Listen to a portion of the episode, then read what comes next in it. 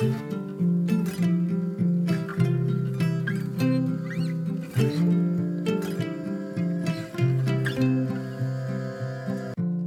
och välkommen till For Health med Anna Sparre. Idag blir det en jättespännande intervju med Anders Lönedal. Det kommer att handla om lymfa, anledningen till att du kan andas dig smal och frisk och att du kan vara överviktig utan att vara fet. Vi kommer att prata om saker som kopplingen mellan det mentala och kroppens funktioner. Och så kommer vi att djupdyka i det viktiga men bortglömda lymfatiska systemet. Det system som inte bara är enormt viktigt för immunförsvaret, utan om det slutar fungera optimalt kan bidra till värk, övervikt och andra vanliga hälsobesvär. Det här är alltså ett system som vi opererar bort delar av utan att blinka, såsom halsmandlarna. Vad ger det för konsekvenser? Och hur hänger egentligen lymfa och cancer ihop? Vi pratar dessutom mycket om kopplingen till stress och andning och hur du kan motverka allt från åderbråck till migrän. I det här avsnittet så får du mycket information om hur kroppen fungerar och orsakerna till dina hälsobesvär. Det kommer att bli två avsnitt med Anders, ett idag och ett nästa vecka. Idag får du all fakta du behöver om lymfsystemet, andning med mera och varför din kropp beter sig som den gör. Nästa vecka så får du konkreta tips och övningar som förklarar vad man kan göra själv. Vad kan man göra åt det här? Du får då verktygen och övningarna för att få igång lymfsystemet, förbättra andningen, bli av med ödem, övervikt och åderbråck. Om du är nyfiken efter avsnittet så hittar du mer information på forhealth.se. Om du gillar det här avsnittet så blir jag som vanligt jätteglad om du vill dela med dig av det på Facebook, på Instagram eller till en vän. Ju mer du lyssnar, delar och recenserar, desto bättre går det att hålla podden levande med gratis information och intressanta intervjupersoner. Stort tack på förhand! Veckans recension i iTunes är från Annika som skriver Förgyller lördagspromenaden. En podd som får lyssnaren att på djupet förstå de mekanismer som ligger bakom olika hälsotips. Den motiverar mig till att leva mer hälsosamt. Anna hittar alltid intressanta ämnen och nya spännande personer att intervjua. For Health vidgar mina vyer och förgyller mina lördagspromenader. Tack snälla Annika! Och gå in du också som lyssnar och lämna ett betyg eller en recension i iTunes eller i din podcastapp. Det hjälper så mycket för poddens överlevnad. Och missa inte att du också kan boka mig som föreläsare. Jag föreläser bland annat för företag och privata grupper på teman som Ät dig frisk eller stress. Eller helt enkelt en skräddarsydd föreläsning för era behov. Idag ska vi prata med Anders Lönedal. Anders arbetar med ett område som kallas tillämpad psykofysiologi. Hur påverkar till exempel en tanke eller känsla kroppens fysiologi, kroppens funktioner? Hur påverkar det vår andning eller våra blodkärl? Detta är någonting som han själv ska få berätta mer om snart. I praktiken så betyder det bland annat att han arbetar med saker som stress, andning och biofeedback. Idag ska Anders få fokusera på vårt lymfatiska system, kopplingen till andning, stress, hållning, övervikt och immunförsvar. Nu kör vi!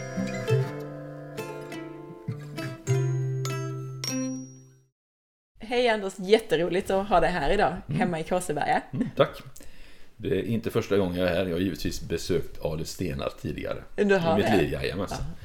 Så att eh, jag kanske tar en sväng om dem innan jag åker hem. Jag tänkte säga det, jag får nästan ta med dig dit. Jag skulle vilja att du börjar med att berätta för lyssnarna lite grann om, om dig själv, framförallt din bakgrund och din hälsoresa. Mm. Så gärna så. Min bakgrund är ju lite brokig kan man säga. Jag har gjort en hel del i mitt liv faktiskt. Jag var sjöman på 70-talet. Jag är oerhört gammal nämligen. Och eh, jag har jobbat på Volvo väldigt länge, Volvo lastvagnar i Göteborg. Och där då mycket som resande personal. Och jag hade jobbat i Irak när det var krig faktiskt. Lite fram och tillbaka. Och 1980. Och sen hade jag ansvaret för Afrika några år där. Och det var ju under den tiden där det var så säga, den här stora svälten. Det lärde mig väldigt mycket om människor. Den biten. Det var ganska mycket jobbiga saker och upplevelser. Men väldigt lärorikt. Förändrade mig i grunden helt enkelt. Och sedan hade jag jobbat med stora projekt. Och eh, det här med Volvo-arbete och sånt, det gick väldigt ofta i släkten och kanske gör fortfarande. Så min kära far, han var en av de högre cheferna på Volvo lastvagnar just. Och eh, 1994 då dog han väldigt hastigt och han hade jobbat väldigt mycket och som jag brukar säga kört skiten ur sig hela livet egentligen. Då började jag tänka. För jag höll nämligen på att göra samma sak. Så efter en session i Belgien när jag jobbade med ett stort projekt så när det var färdigt och jag flyttade hem så hoppade jag helt enkelt av. Då kände jag att jag var på väg att gå i min faders fotspår en gång för mycket helt enkelt. Och då visste inte jag vad jag skulle göra. Men det har ju löst sig alldeles fantastiskt bra, får jag säga. Och eh, jag fick i kontakt då med en eh, professor från Skele som då var på den psykofysiologiska institutionen i, på Karolinska institutet i Stockholm. Kontaktade honom som sagt och blev uppbjuden dit. Uppkopplad i en, i en eh, analysapparat som han hade tagit fram. Och på den vägen är det kan vi säga. Så att eh, jag kände ju det själv att jag var på väg åt alldeles fel håll. Jag har aldrig gått i väggen eller någonting i den stilen. Jag blivit utbränd och så men eh, det var någonting i kroppen som inte stämde. Jag har tränat mycket och gör fortfarande. Spelar rugby och sånt där. Och inte ens det var roligt. Men i vissa tider. Det var liksom ingenting som lyfte. Så då tog jag helt enkelt det beslutet att det var dags att göra någonting nytt. Det går faktiskt att ändra på livet. Precis, det gör det verkligen. Och apropå att ändra livet, vad, mm. vad gör du nu då? Jo, nu jobbar jag med eh, det som kallas för tillämpad psykofysiologi. Och eh, psykofysiologi det är en, en, en vetenskap i sig. Och där man eh, tittar då på hela kroppen. Har en mer holistisk syn på människan helt enkelt och jobbar med Eh, tar hänsyn då till miljö, tankar, känslor och de eh, rent biologiska funktioner som det här startar. Vi är en biologisk varelse, vi människor. Vi har tenderar att glömma det ibland. Vi har sådana behov, vi har sådana krav och vi har system i våra hjärnor helt enkelt och i våra kroppar gemensamma med alla de andra djuren. Och de systemen är inte de allra smartaste, men det är de som bestämmer i en stresssituation. Det är därför det kan vara väldigt svårt att ta sig ur där själv om man nu har fastnat där. Ja, inom psykofysiologin så jobbar vi mycket med biofeedback och det är alltså bio står för biologisk feedback. Då kan man alltså på en skärm uppkopplad i den här analysapparaten som jag då använder mig av. Det finns flera olika typer av biofeedback givetvis. Så kan man alltså se direkt i realtid hur en tanke, en känsla, en spänning i kroppen påverkar till exempel blodkärl, hjärtfrekvens, andningsfrekvens och sådana saker. Och då få en större förståelse för hur faktiskt det vi känner, det vi tänker, hur det påverkar hela kroppen. Och framförallt vad vi kan göra åt det. Det är det som är det viktigaste. Och eh, det vi egentligen jobbar väldigt mycket med det är ju den respiratoriska biten. Alltså hur vi andas. Mm. Jag brukar säga att man mår som man andas. Men även att man andas som man mår. För det är en av de här sakerna som förändras direkt vårt andningsbeteende då vid en stresssituation till exempel. Är det en av de sakerna som du har jobbat själv med efter det att du kände att du inte mådde som du skulle helt enkelt? Var det, var det andningen som var det som, som tog dig ur det? Eller vad var det som förändrade saker för dig? Det som, ja, det, det som förändrade saker för mig det var helt enkelt att bli uppkopplad och få se mig själv på insidan. För Schiller berättade för mig hur jag mådde utan att jag hade berättat det för honom. Och seeing is believing, mm. säger man. Så att eh, det var ett väldigt uppvaknande för mig. Särskilt då som jag är väldigt dålig på matematik. Eh, ja, jag säger det, jag tycker inte det är kul helt enkelt. Jag tänkte säga ja. ja. Jag ska inte säga att man är dålig på någonting, för då blir man det. alltså, gör nu inte som jag säger där. Eh, nej, men eh, i en sån här eh, sekvens utav analysen så skulle jag räkna i huvudet väldigt snabbt. Och han pushade mig lite då. Och då kunde jag se sen hur jag hade reagerat på det då såg jag, och jag kände ju det själv, att jag spände mig. Och det kom ju inte ett enda svar ur huvudet då. Därför att svaret sitter ju inte där när vi sitter och kämpar och sliter för det, utan det kommer i pausen, mm. när vi slappnar av. Och andningen då är ju just bryggan mellan gasen och bromsen i kroppen. Inandning, sympatiskt nervsystem, utandning, parasympatiskt. Och de här ska balanseras hela tiden. Det är helt fantastiskt. Verkligen, mm. verkligen är det. och apropå det här så ska vi prata lite grann om hur andningen är kopplad till det lymfatiska systemet. Absolut. Och då vill jag ju börja med att fråga dig om lymfa, därför mm. att det är ju ett jag nämnde det innan vi startade inspelningen, att det är ju ett ämne som är helt bortglömt på något sätt. vad är lymfa för någonting? Ja du, det kan vi prata länge om. vad lymfa är. Redan de gamla grekerna pratade om lymfan. Så Hippokrates han kallade lymfvätskan för det vita blodet. De hade inte full koll på vad det gjorde, men att det var något viktigt, det förstod man. I och med att det fanns överallt. Den största ansamlingen har vi för övrigt i bukhålan. Och lymfvätska är ju eh, överskottsvätska egentligen från blodomloppet. Extracellulär vätska som via tryck då pressas ut i lymfkapillären. Eh, fungerar också som en vätskereserv för kroppen. Så att lymfvätskan ska alltså tillbaka in i blodomloppet igen när det, när det är renat.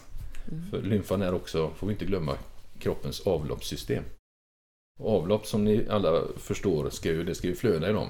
Blir det stopp så får vi problem. Så är det även i kroppen. Mer om det lite senare givetvis. Men den här lymfvätskan påminner ganska mycket om blodplasma egentligen. Det, den är en ganska seg, väldigt proteinrik vätska. Trögflytande. Och den rinner inte av sig själv. Blodomloppet, som vi alla vet så känner vi till det att vi har ju ett hjärta som pumpar blod. Mm. Och det gör det hela tiden. Lymfan har ingen egen pump på, det sättet, på samma sätt. Va? Utan det är ju bland annat då skelettmusklernas rörelser men framförallt diafragman som är den stora starten och pumpen i, i det här systemet. Och jag tycker det är väldigt illa att eh, lymfsystemet i sig då, här i, inom den västerländska skolmedicinen är väldigt bortglömt. I att det är så extremt viktigt att det flödar. Det, det tar ju bort alla döda celler. Det, det, det, är ju immunförsvar får vi inte glömma. Det är väldigt aktivt vad gäller immunförsvar. Det heter ju numera lymfnoder. Man kallar dem för körtlar förr i tiden men de producerar ingenting så det är lymfnoder. Och det är ju där kroppen tar hand om virus och bakterier till exempel. Tumörceller i den här biten. Va? De ska in där. Det är så, lymfnoder är som en återvändsgränd. Det går liksom en ledning in och två därifrån. Men eh, de där bakterierna och virusen och eh, eventuella tumörceller de ska inte komma ut i levande skick. Just det. Det, så det är väldigt, väldigt viktigt att, eh, att det cirkulerar och att det är rent. Det är lite svårt att förstå, tycker jag, att lymfsystemet är så bortglömt här, här i Sverige. Och därför att den första riktigt stora svenska vetenskapliga upptäckten gjordes utav Olof Rudbeck den äldre någon gång på 1600-talet och det var just att kartlägga lymfsystemet. Och vissa upptäckter glöms tydligen bort. Ja, tydligen. Ja, jag har väldigt svårt för det faktiskt. För när går man in och tittar på de här.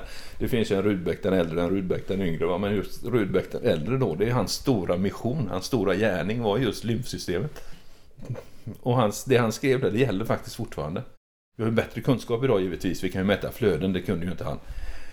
Det de inte kunde göra förr i tiden, det var ju att mäta på levande människor. De fick ju gräva i döda, helt enkelt. Och då stod det ju still. Men han benade ut och kartlade varenda kapillär, varenda lymfkärl och varenda nod mm. ritade han in. Du har nämnt kärl och noder och så. Förklara det lite tydligare så lyssnarna får en bild av hur det faktiskt ser ut inne i kroppen. Ja, då, så gärna så. Det börjar med kapillärer. Väldigt små. Och de här kapillärerna finns ju överallt. Va?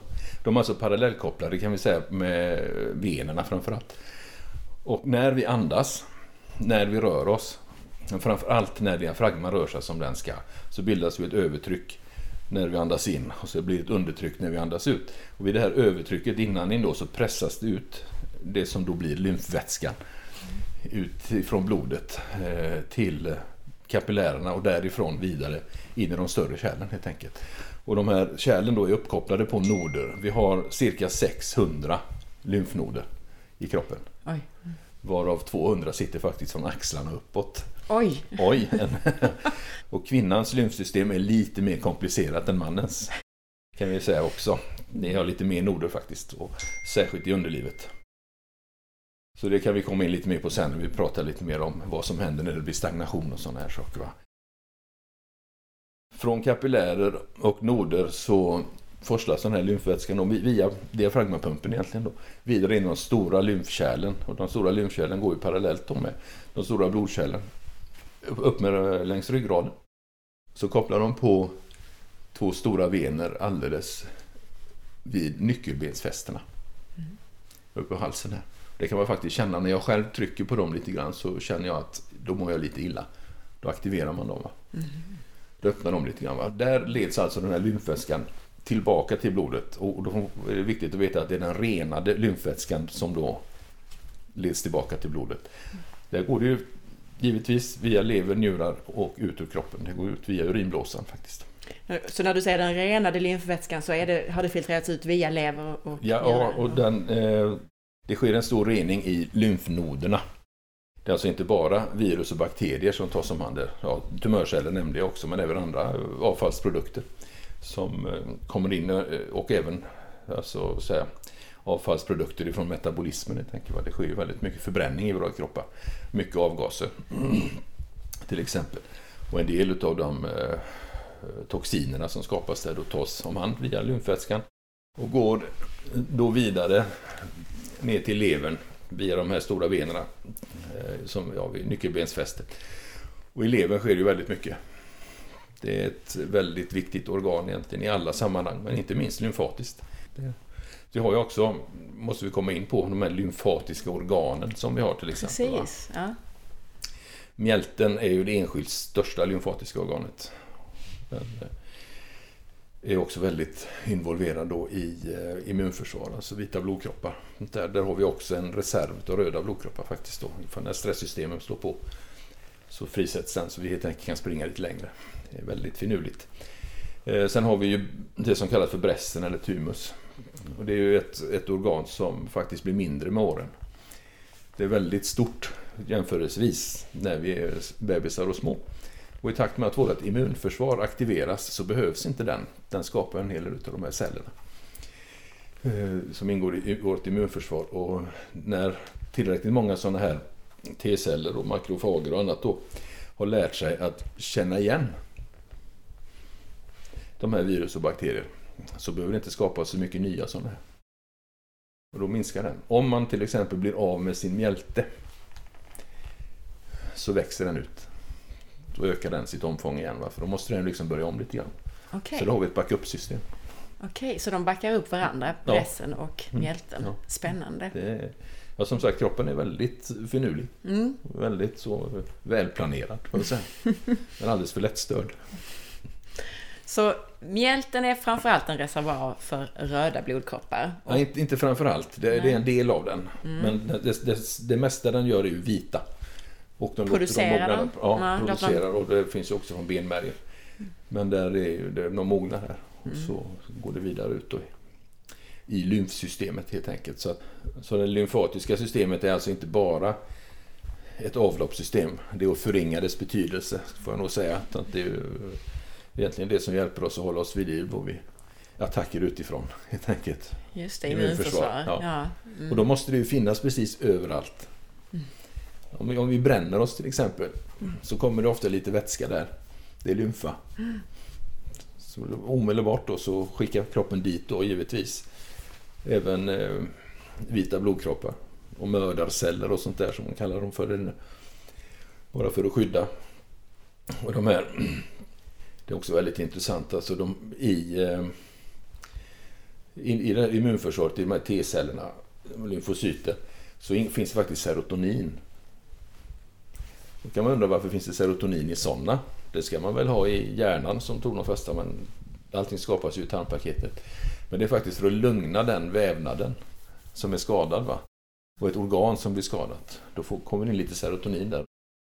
Och I och med serotoninet så eh, behöver inte det här organet få panik helt enkelt. Utan det, det lugnar ner sig lite grann. Så att eh, den här chocken kan man ta lite senare helt enkelt. Alltså i akutskedet då så drar allting åt sig. Och lugnar ner sig lite grann då. Och då kan man ju till exempel titta vad som har hänt. Innan man behöver Innan man tuppar av. Innan man tuppar av. Jättebra.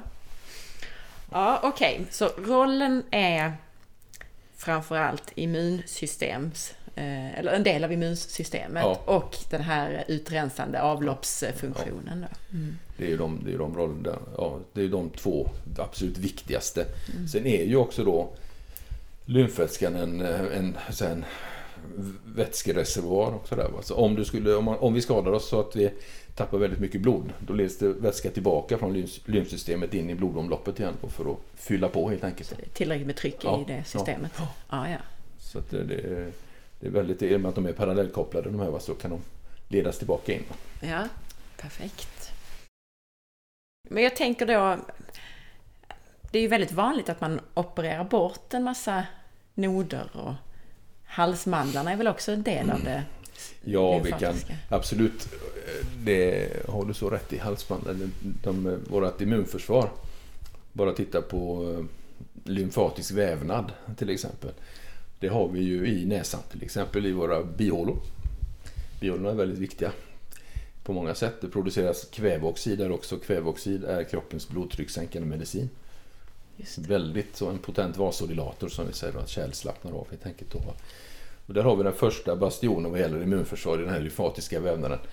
Sedan då om det nu inte räcker då har vi ju tonsillerna också, den lymfatiska vävnaden i våra halsmandlar. Men eh, de ska inte vara det första försvaret. Då. De klarar inte det. Och därför är det så viktigt att andas med näsan, både in och ut, för att det här systemet ska fungera ordentligt. Då. Eh, kvinnan då som är ju fantastisk på många sätt men också väldigt komplicerad har ju ett mer komplicerat system. Så inne i vaginan har vi också, eller har ni, vi har inte det, ni har också lymfatisk vävnad. Så alla slemhinnor egentligen är lymfatisk vävnad. Så alla ställen på kroppen där det kan komma in någonting så är det väldigt väl skyddat. Mm. Så eh, worst case är ju egentligen då att man munandas och har opererat bort halsmandlarna. Ja, det är ingen höjdare. Har man då blivit av med sin mjälte också så är det ju ännu värre. Förr i tiden så tog man ju bort mjälten. Det var ju många hockeyspelare som råkade ut för det. Va? Det hände säkert en del rugbyspelare också. I och med att vi, vid tacklingar och sånt här så kan det ju hända sådana saker. Eh, man försöker, idag undviker man det i möjligaste mån. Försöker man rädda så stor bit av mjälten som möjligt. Och i och med att den är så otroligt viktig för, eh, för immunförsvaret och för våra vita blodkroppar. Så har man då som sagt opererat bort sina mandlar och andas med munnen så är man väldigt infektionskänslig. Mm. Väldigt infektionskänslig. Så att, eh, jag brukar säga det till alla att om du går in på ett dagis till exempel så andas med näsan. Väldigt viktigt. Annars går faktiskt virus och bakterier rakt ner i lungorna. Egentligen utan någon påverkan av kroppens immunförsvar. Det går för fort genom munnen helt enkelt. Mm. Intressant. Jag har alltid haft någon sån här instinkt redan innan jag läste fysiologi att om man går in på offentliga toaletter mm. så andas man så lite som möjligt och det man andas är genom näsan. Helt korrekt. Bra, tack. ja, ja. Och hur är det då? Du säger infektionsrisken är högre om man har ett nedsatt lymfatiskt system, men hur är det med cancerrisken? Det är, det är faktiskt lika illa där. Det är, I och med att eh, lymfnoderna ska också ta hand om presumtiva tumörceller helt enkelt. Mm.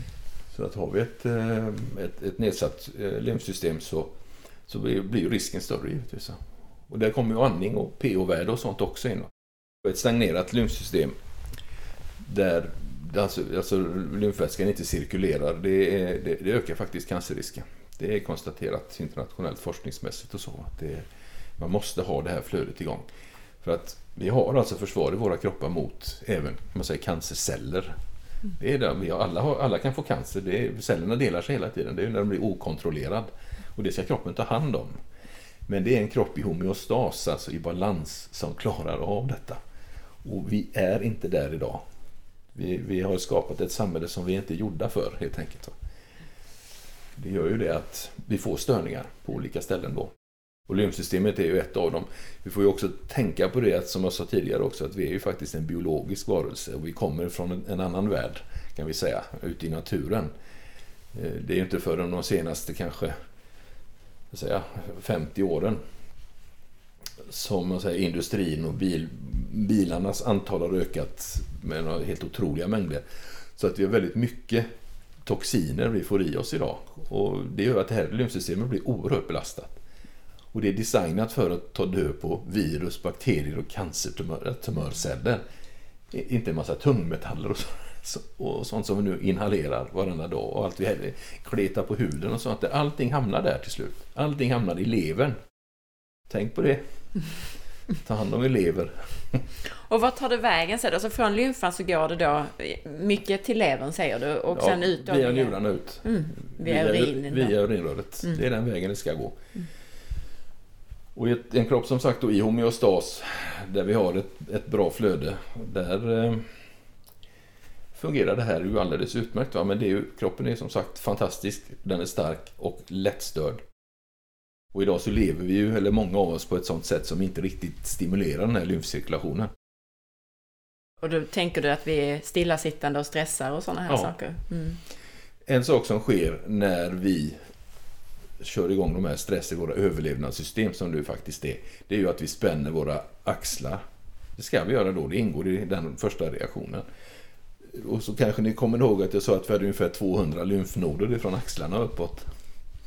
Vad händer då tror ni där ute? Om vi spänner dem och halsen där vi har de stora ventilerna. Stänger vi av Då dem? stänger vi av där. Det blir väldiga restriktioner i det här flödet. Lite flöde har vi ju i och med att vi andas och vi rör på oss. Va? Men eh, det gagnar ju inte det stora flödet. En annan sak som jag är lite bekymrad över vad gäller det här med, eh, med flöden och sånt. Det är alla människor som idag går och glor ner i eh, mobiltelefon, mobiltelefoner, så kallat smarta telefoner. De har inte gjort oss smartare i alla fall. Definitivt inte. Och paddor och allt vad det heter. Alltså vi, vi, vi böjer huvudet framåt. Då får vi alltså 30 kilos tryck på eh, kotan här bak. Nackkotan, den stora. Och så stänger vi våra noder. Eller vi stänger inte noderna, nu sa jag fel där, men vi stänger ju systemet, vi blockar ju. Mm. Och det är de stora ventilerna sitter i halsen. Det är jätteviktigt att det är öppet här. Så att om vi nu går där med, med våra axlar spända och, och, och spänner halsen där och, och med stresssystemen på. Så blir det, eller blir det, du får konsekvenser. Alltså, och de är ju synliga vad gäller lymfcirkulation och sånt. När det inte cirkulerar så blir det ju synliga konsekvenser av det. Man svullnar helt enkelt. Just det. Ja. Och det ska vi prata mer om här ja. också. Apropå nu det här som du har sagt, att, att det är så viktigt de här överaxlarna. Berätta lite grann, för du har ju nämnt för mig det här med hjärnans lymfsystem. Berätta om det. Ja, det är ju alldeles, eller, ja, alldeles och alldeles, men det är nyupptäckt kan vi säga. År 2014 eh, så släpptes det, det var då jag själv kom i kontakt med det. Första gången jag fick eh, kontakt med en forskare i USA som heter Mike Nedergård, en danska, som leder, ett, eh, leder forskningen runt det här eh, glymfsystemet som det då kallas för. Det heter, man kallar det för glymfsystem för någonting som heter gliaceller som har byggt upp rörsystem runt varenda nerv och varenda kärl vi har i våra hjärnor. Och det här har man inte känt till tidigare. Men om man tittar på gamla bilder på lymfsystemet så ser man att det går liksom upp till halsen och så utanpå skallen. Inte in i. Det har man vetat att lymfvätskan ifrån kroppen går inte, kommer inte in i huvudet alltså. Nej. Där har vi ju cerebrospinalvätskan. Som den så vackert heter. Och den bildas då i ventriklarna. Det är fyra hål, rum som vi har i, i huvudet. Och tidigare så har man ju sagt så här att hjärnan håller på med återvinning. Alltså den tar hand om döda celler själv och, så, och alla toxiner och sånt. Det är ju mycket elektriska impulser som sker där uppe i hjärnan så att det blir en hel del sådana där förbränningsrester helt enkelt som vi måste därifrån. Sen har vi ju vetat det också att det rinner ut och kopplar på ungefär där de här eh, stora lymfkärlen då kopplar på venerna vid halsen. Då. Men när man började att fundera på det här med eh, återvinning så kom man fram till det att hjärnan är alldeles för upptagen för att hålla på med återvinning. Det går inte. Det håller alltså inte. Utan att eh, det måste vara någonting annat. Och varför sover vi? Om inte sömn hade varit alldeles livsviktig för oss så hade vi evolutionerat bort den, tänkte man. Det är ju en tredjedel av livet som bara ligger där och är helt improduktiva. Så kan vi inte ha det. Men då börjar man titta på möss faktiskt. Och det är att koppla upp mushjärnor då. Ett alldeles nytt fantastiskt mätsystem och en, eh, en, en kontrastvätska då som inte är radioaktiv. Så att man kan se precis vad som sker på insidan. Då. Och då var de resultaten så förbluffande så de trodde att de hade gjort fel. Så därför så skrotade man alltihop och började om från början. Men det visade sig att när de gjorde om igen då så blev det samma. Och det som hände då det var att ventriklarna vid en speciell tidpunkt under sömnen ökar i omfång. En, en mushjärnas ventriklar är 14 procent ungefär utav hjärnans volym. Då ökar de från 14 procent till 20 procent. Och då kan ju vän av ordning fråga vad tar resten av hjärnan vägen då? För skallen expanderar ju inte. Va? Då krymper den. Och det var det då som var så fascinerande tyckte man. Vad, vad var det som hände där? Va? Och då tittar man ju på andra lite större hjärnor givetvis. Va? Det var hund, get och babian. Och sedan på människor. Och det var samma givetvis på dem då. De andra arterna där. Och i, i eh, människohjärnan så är ventriklarnas omfång ungefär 20 procent. Och på oss då så ökar det från 20 till 30 procent. Och sen startar det ett så kallat konvektivt flöde. Alltså resterande bit av hjärnan då krymper faktiskt, den drar ihop sig. Och på sina ställen drar den ihop sig upp till 60 procent, alltså kärlorna, eller kärlorna, cellerna drar ihop sig. Alltså krymper lite och börjar alltså pumpa ett konvektivt flöde som det heter. Och så sköljer man igenom varenda cell i hela hjärnan. Tar med sig alla toxiner, alla avfallsprodukter ut och kopplar på det vanliga lymfsystemet i halsen igen. Kruxet med det här systemet det är det att det bara fungerar under djupsömn. Mm. Och där spricker det för väldigt många människor idag. Mm. Men djupsover inte. Ja, man kan köra narkos också. Då kan man lura hjärnan. Men sådana kan man inte gå omkring med hela tiden. Eh, och det, det, gör ju det att sömnen idag, den, en god kvalitet på sömn har blivit ännu viktigare. Och det är väldigt bekymmersamt då med tanke på att det är många unga människor som vänder på dygn och sådana här saker. Och vi är inte nattvarelser. Det är då hjärnan ska reparera sig och organ ska börja och reparera sig och sådana här saker. Det mm. sker under sömnen. Och vi har ju fyra stadier. Det är ju insomning och ofta då man precis alldeles innan man somnar till eller somnar in då så rycker man ofta till lite. Och då vet man att ah, nu försvinner jag snart. då somnar man.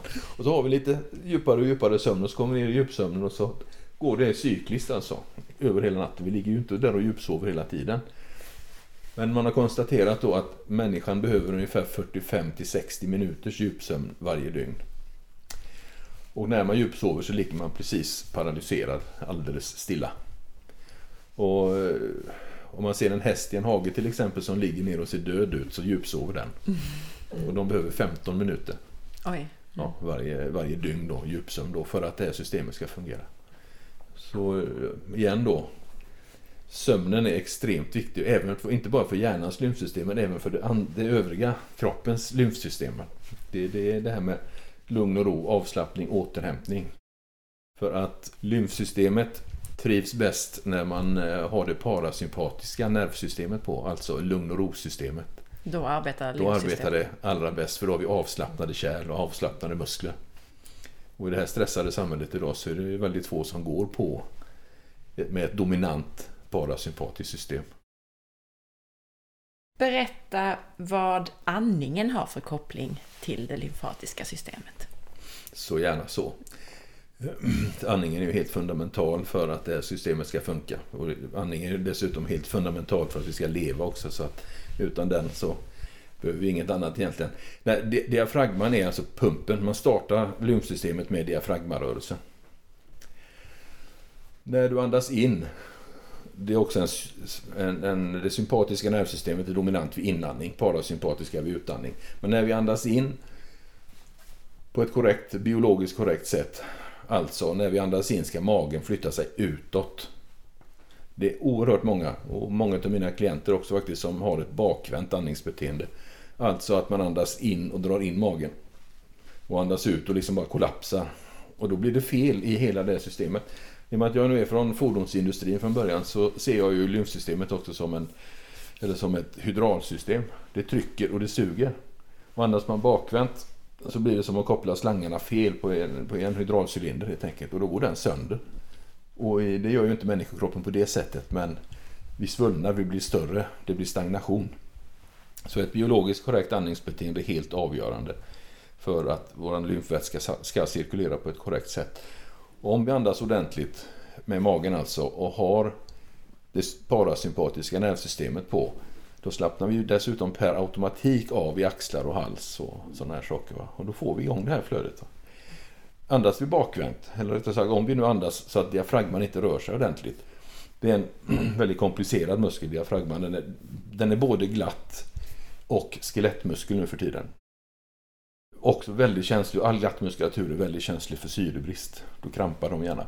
Och har vi ju glatt muskulatur har vi då som ja, diafragman är hjärnhinnor, alla blodkärl, lymfkärl, urinblåsa till exempel. Mm. Då kan vi säga att det är typiskt den här muskulaturen som är kopplad till det omedvetna nervsystemet. Ja, jajamän, det, det, det, vi styr inte det här medvetet alltså.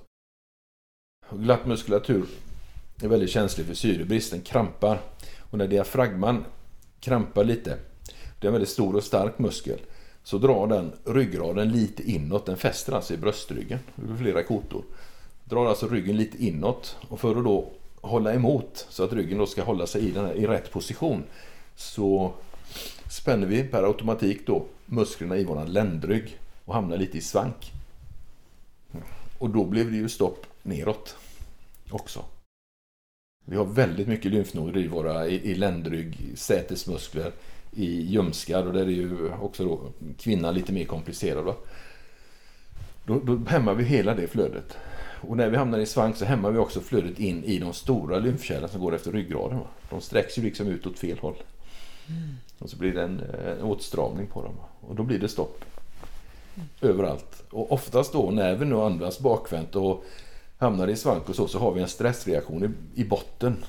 Vilket ju då gör att vi går där med våra spända axlar och våran spända hals också. Och eh, då blir det inte så mycket med det där flödet egentligen. Ond spiral verkligen allt det här. Ja, verkligen, verkligen. Mm. Och det gör ju också då att det här lymfsystemet, alla toxinerna blir ju kvar i kroppen. Och en del av dem kan ju till och med i de allra värsta fallen läcka tillbaka in i blodet igen. Och då är det inte det renade lymfvätskan som går in utan det är den med smuts i. Och det är många då med utmattningssyndrom och sådana här saker som har en sån påverkan. Mm. Det tar lite tid att komma tillbaka då för man måste ju börja tvätta varenda cell egentligen. Högst relevant, jag har precis eh, spelat in ett antal avsnitt på, vi kallar det för temat detox då, alltså ja, kroppens ja, ja, eh, sätt att avgifta sig själv. Och det här har jag inte pratat om, utan, men det är ju väldigt, väldigt relevant då i det här sammanhanget. Ja, lymfsystemet är kroppens alldeles egna och inbyggda detoxsystem. Mm. Och det är det bästa vi har. Har vi det igång så behöver vi kanske inte använda så mycket andra egentligen. Mm. Vi har ju det i oss och vi har haft det med oss i flera tusen år.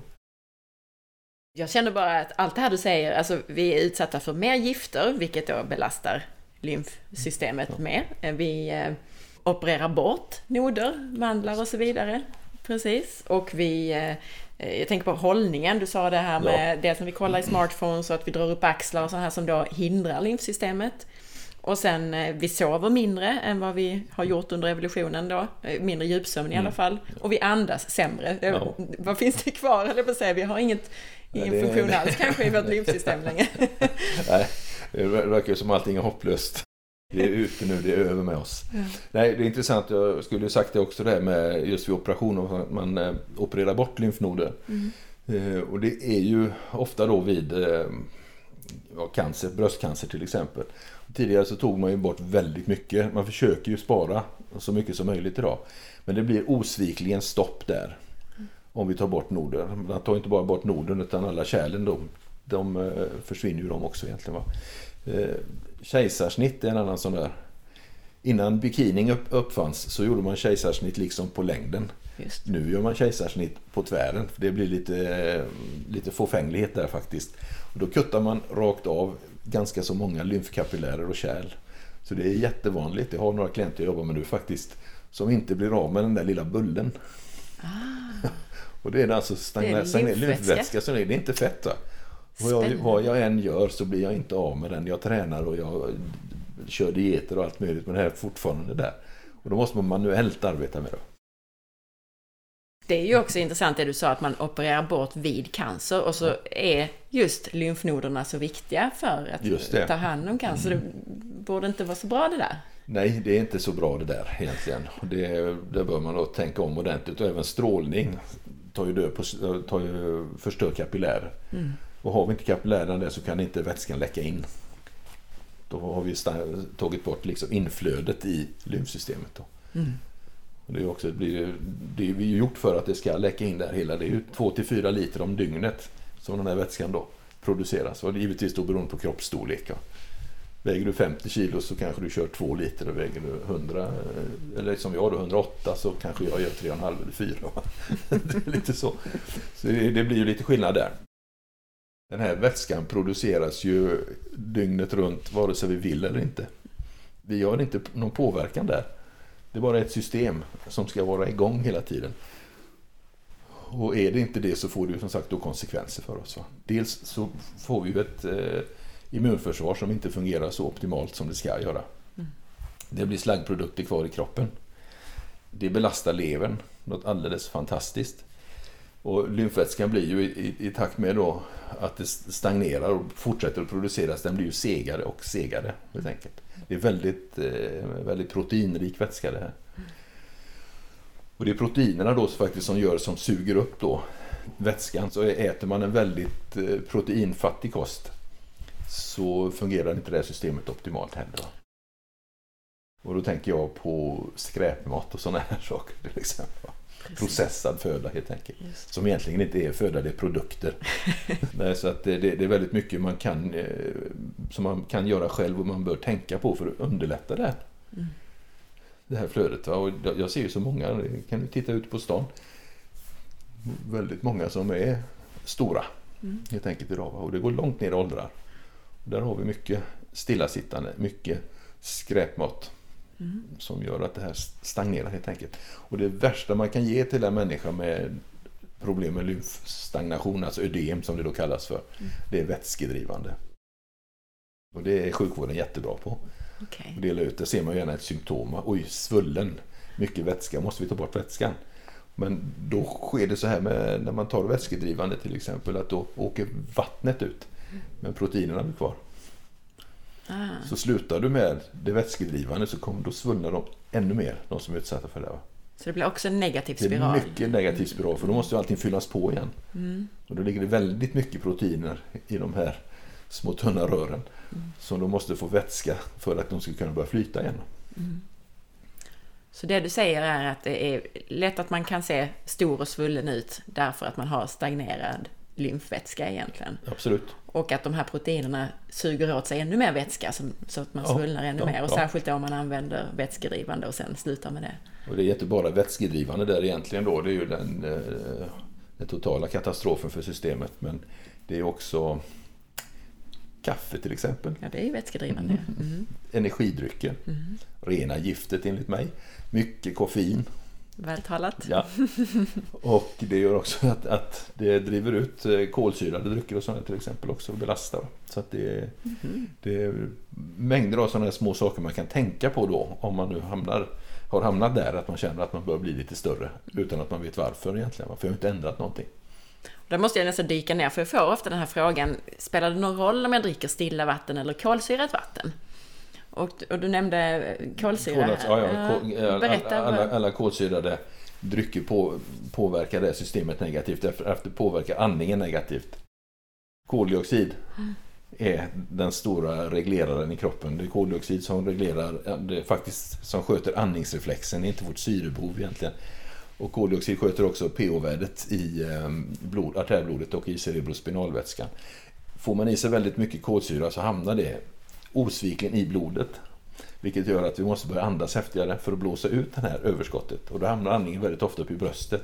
Och så jobbar vi inte med diafragman. Så att det är, en, eh, det är liksom katten på råttan och råttan på repet. Så här, det blir den här chain of events. helt enkelt. Som är alltså negativt för det här flödet. Då. Mycket intressant. Och nu när du har pratat eh, lite grann om det här att man blir stor och svullen och så, så vill jag att du berättar hur det kommer sig att man kan bli överviktig utan att kanske egentligen vara fet. Ja, det är väldigt viktigt. Jag sa till henne en gång, tänk på det, du är inte bara viktig, du är överviktig. Ja, ja så kan man ju också se det som, men det är inte så roligt. Nej. Nej, det, jag, jag, måste säga det också, att jag har själv varit, eh, hamnat där och tyckt att stora människor, det är väl för... Mm, förlåt, nu höll jag på att säga ett fult ord. Jo, om man säger stora människor då att det är väl bara att gå och köpa sig ett par träningsskor och börja äta lite bättre.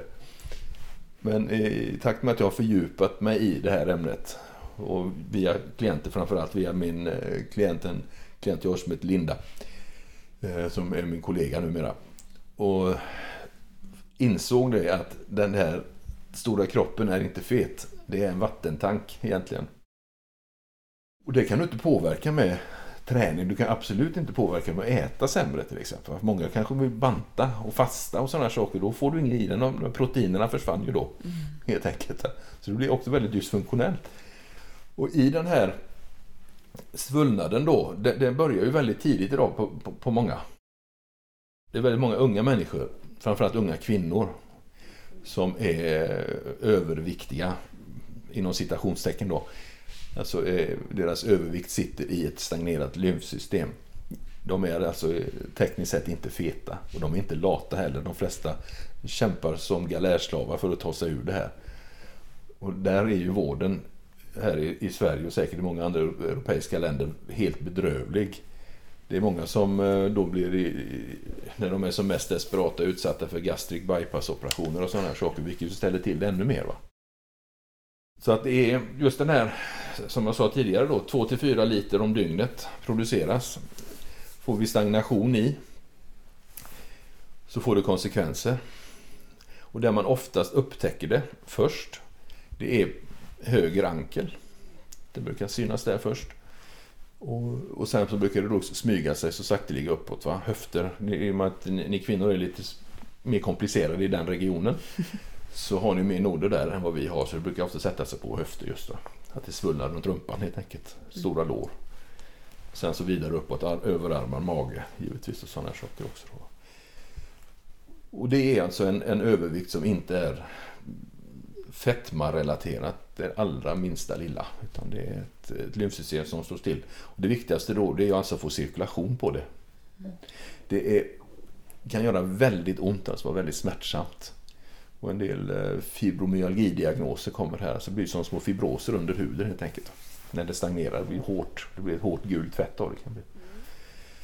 Och det gör att man blir väldigt beröringskänslig. Och i och med att det här systemet då producerar vätska dygnet runt så spänner du över att man kan se en del som, är, som ser ut som uppblåsta Michelin-gubbar. Ungefär. Mm. Även om han faktiskt har blivit smalare idag. Han var mycket rundare när jag var liten. Om man tänker på det. Just det.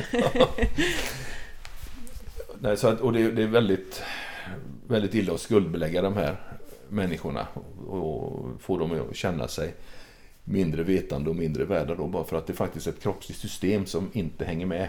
Det har ingenting med skörlevnad att göra.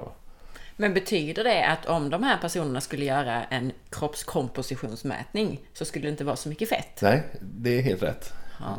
Mm. Det, det, är så. Och det är också intressant då med eh, min kollega Linda då, som faktiskt är gastric bypass opererad också. Mm. Att eh, det fanns ju inte så mycket fett på insidan.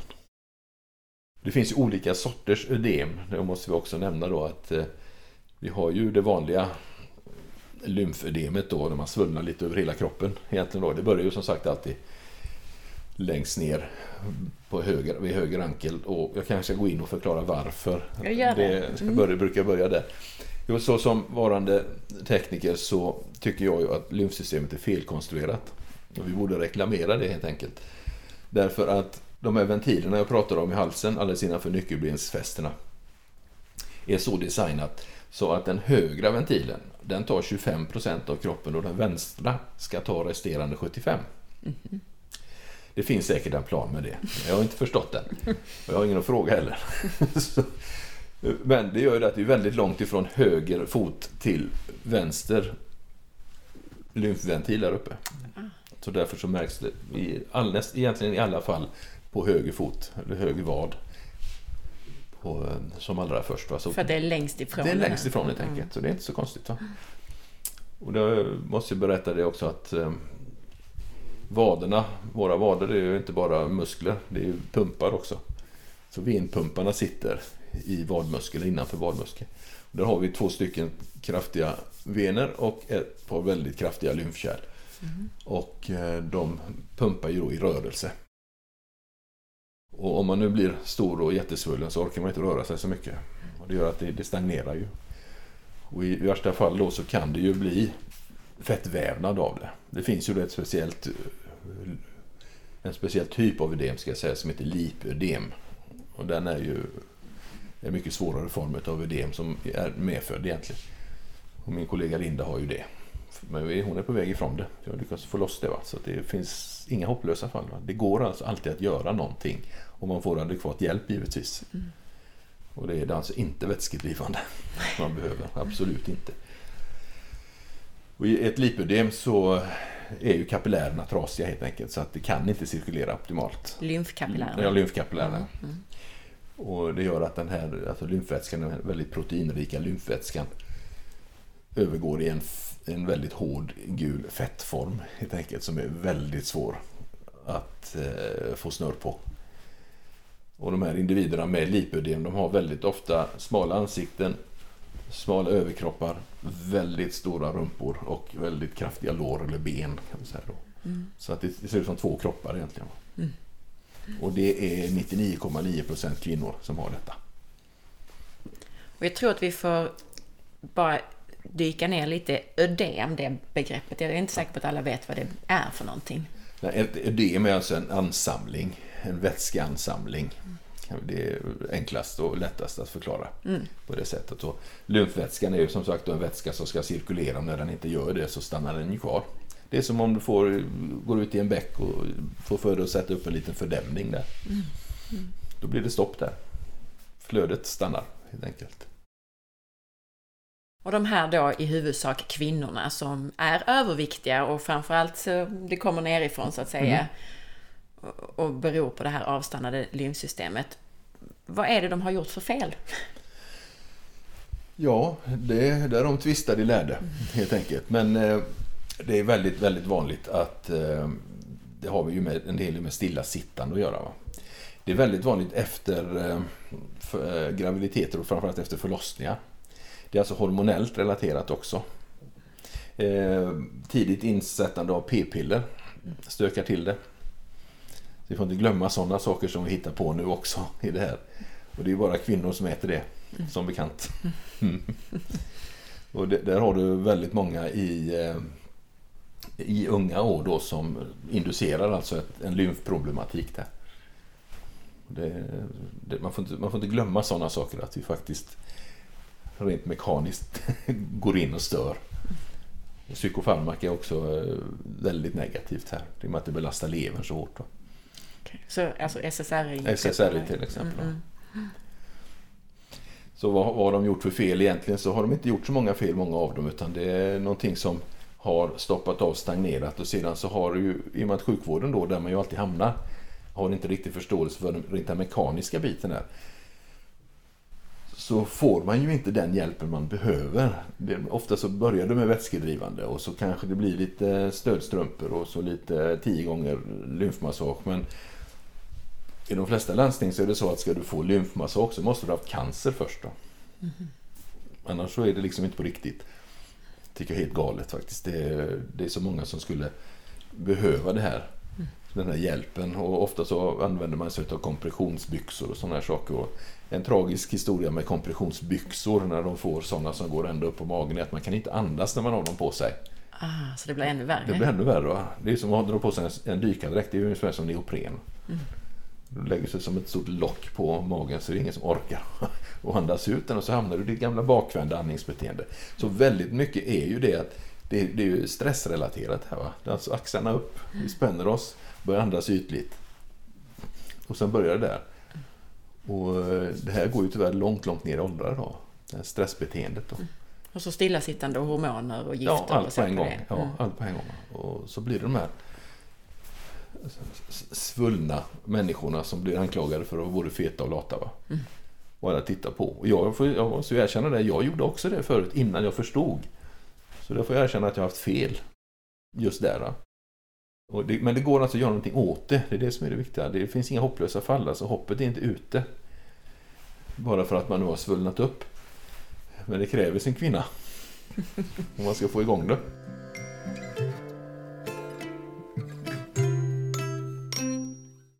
Här avslutar vi för idag. Tack så mycket för att du lyssnade och jag hoppas att du tyckte att det här var lika spännande som jag tycker att det är. Missa nu inte nästa vecka då du kommer att få de konkreta tipsen och övningarna kring vad du kan göra åt det här själv, enkelt hemma. Dessutom så kommer vi in på ämnen som åderbråck och migrän nästa vecka. Anders kommer då även att berätta mer om hur du kommer i kontakt med honom. Tills dess så hittar du Anders via coolmind.se. Missa inte att följa med på forhealth.se och på facebook.com forhealth.se där du kan dela informationen om det här avsnittet. Och så hittar du även mig på Instagram via asparre. Om du vill ha fler sådana här intervjuer, gå in i iTunes eller i din app på mobilen och lämna betyg och recension. Vi hörs om en vecka. Ha en riktigt bra dag och ta hand om dig. Hej då!